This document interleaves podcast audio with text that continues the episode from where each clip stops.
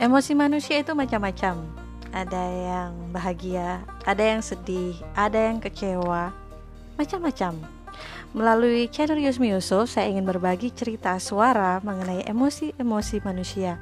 Dari yang bahagia, sedih, kecewa, berusaha bangkit. Saya akan berbagi cerita-cerita itu.